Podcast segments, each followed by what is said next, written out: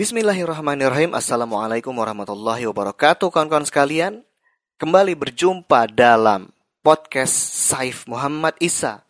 Kali ini kita akan bercerita tentang hidup di zaman Rasul. Allah Ta'ala menakdirkan kita hidup di zaman milenial.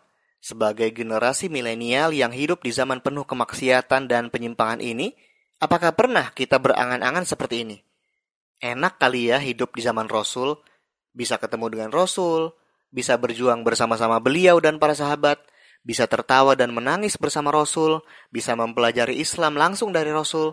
Yang pasti, ungkapan-ungkapan itu muncul dari rasa muak karena melihat hal-hal yang tidak sesuai dengan Islam pada zaman milenial ini. Ungkapan-ungkapan di atas seolah-olah benar, seolah-olah muncul dari semangat keislaman yang tinggi. Padahal sebenarnya kita harus waspada dengan ungkapan-ungkapan di atas. Karena bisa jadi ucapan-ucapan itu menjadikan kita sebagai orang yang mengingkari keputusan Allah Subhanahu wa taala. Sebab yang memutuskan bahwa kita dilahirkan dan hidup di zaman milenial ini adalah Allah sendiri.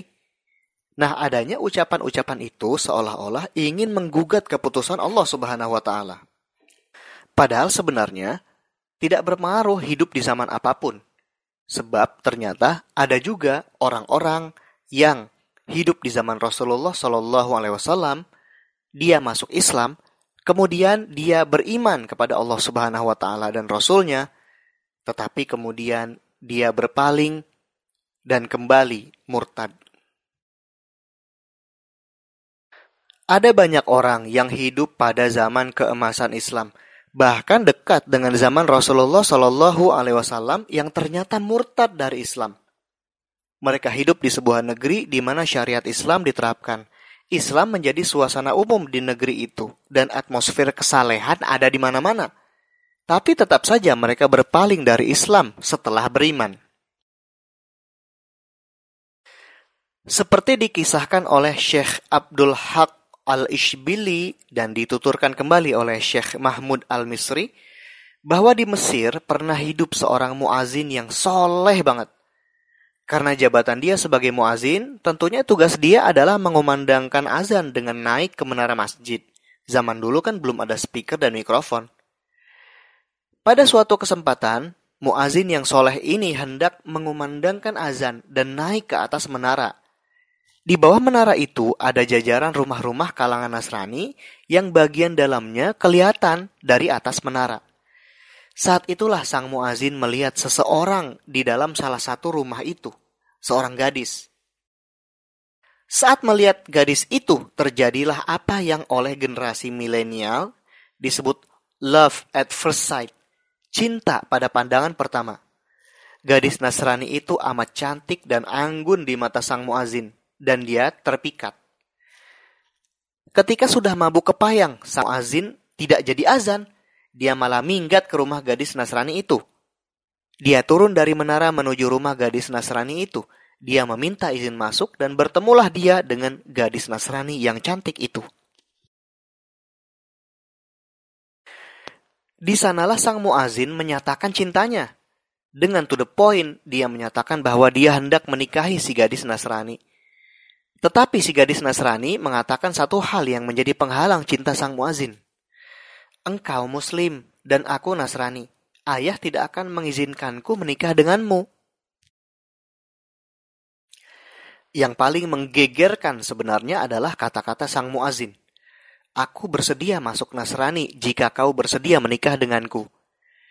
Seperti petir di siang bolong, harga cinta sang muazin kepada gadis Nasrani yang cantik itu amat mahal. Sang muazin rela membuang seluruh iman dan amal soleh yang telah diperjuangkannya selama ini hanya demi mendapatkan seorang gadis Nasrani. Padahal dunia tidak selebar daun kelor, masih banyak gadis muslimah yang soleha yang kecantikannya bahkan melebihi gadis Nasrani itu. Tetapi sang muazin telah dibutakan oleh cinta.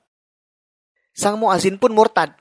Kemudian dia menikah dengan gadis Nasrani idamannya itu. Pada hari pernikahan itu pula lah dia naik ke sebuah tangga di rumah itu, lalu terjatuh dan tewas dalam keadaan kafir. Sungguh malang nasibnya, dia belum sempat menikmati cintanya dengan gadis Nasrani itu, dia mati dan kehilangan semuanya.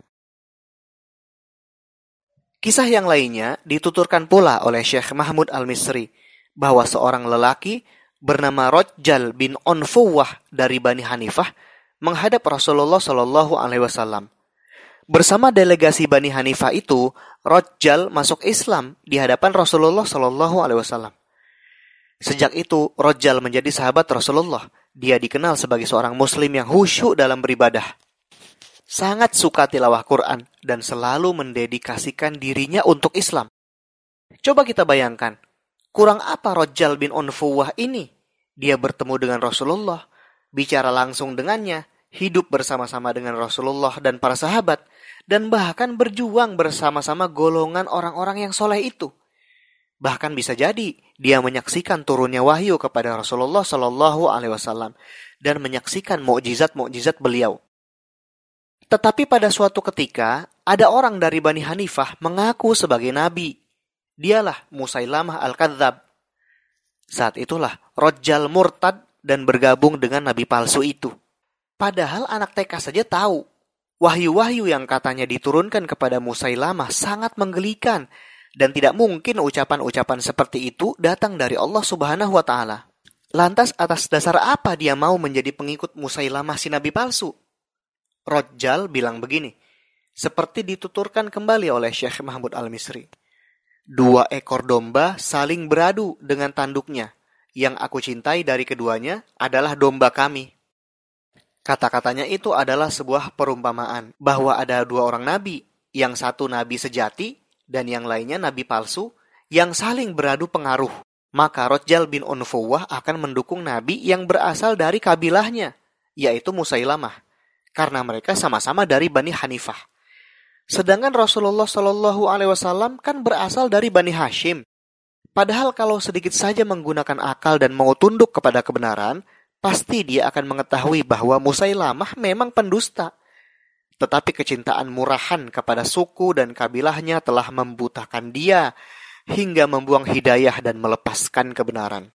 So, bukan persoalan kita hidup di zaman apa, atau pernah bertemu dengan Rasulullah dan para sahabat ataukah tidak. Yang jadi persoalan adalah maukah kita beriman ketika ajaran Rasulullah Shallallahu Alaihi Wasallam itu sampai kepada kita. Maukah kita menggenggam Islam? Hanya kita yang sanggup menjawabnya.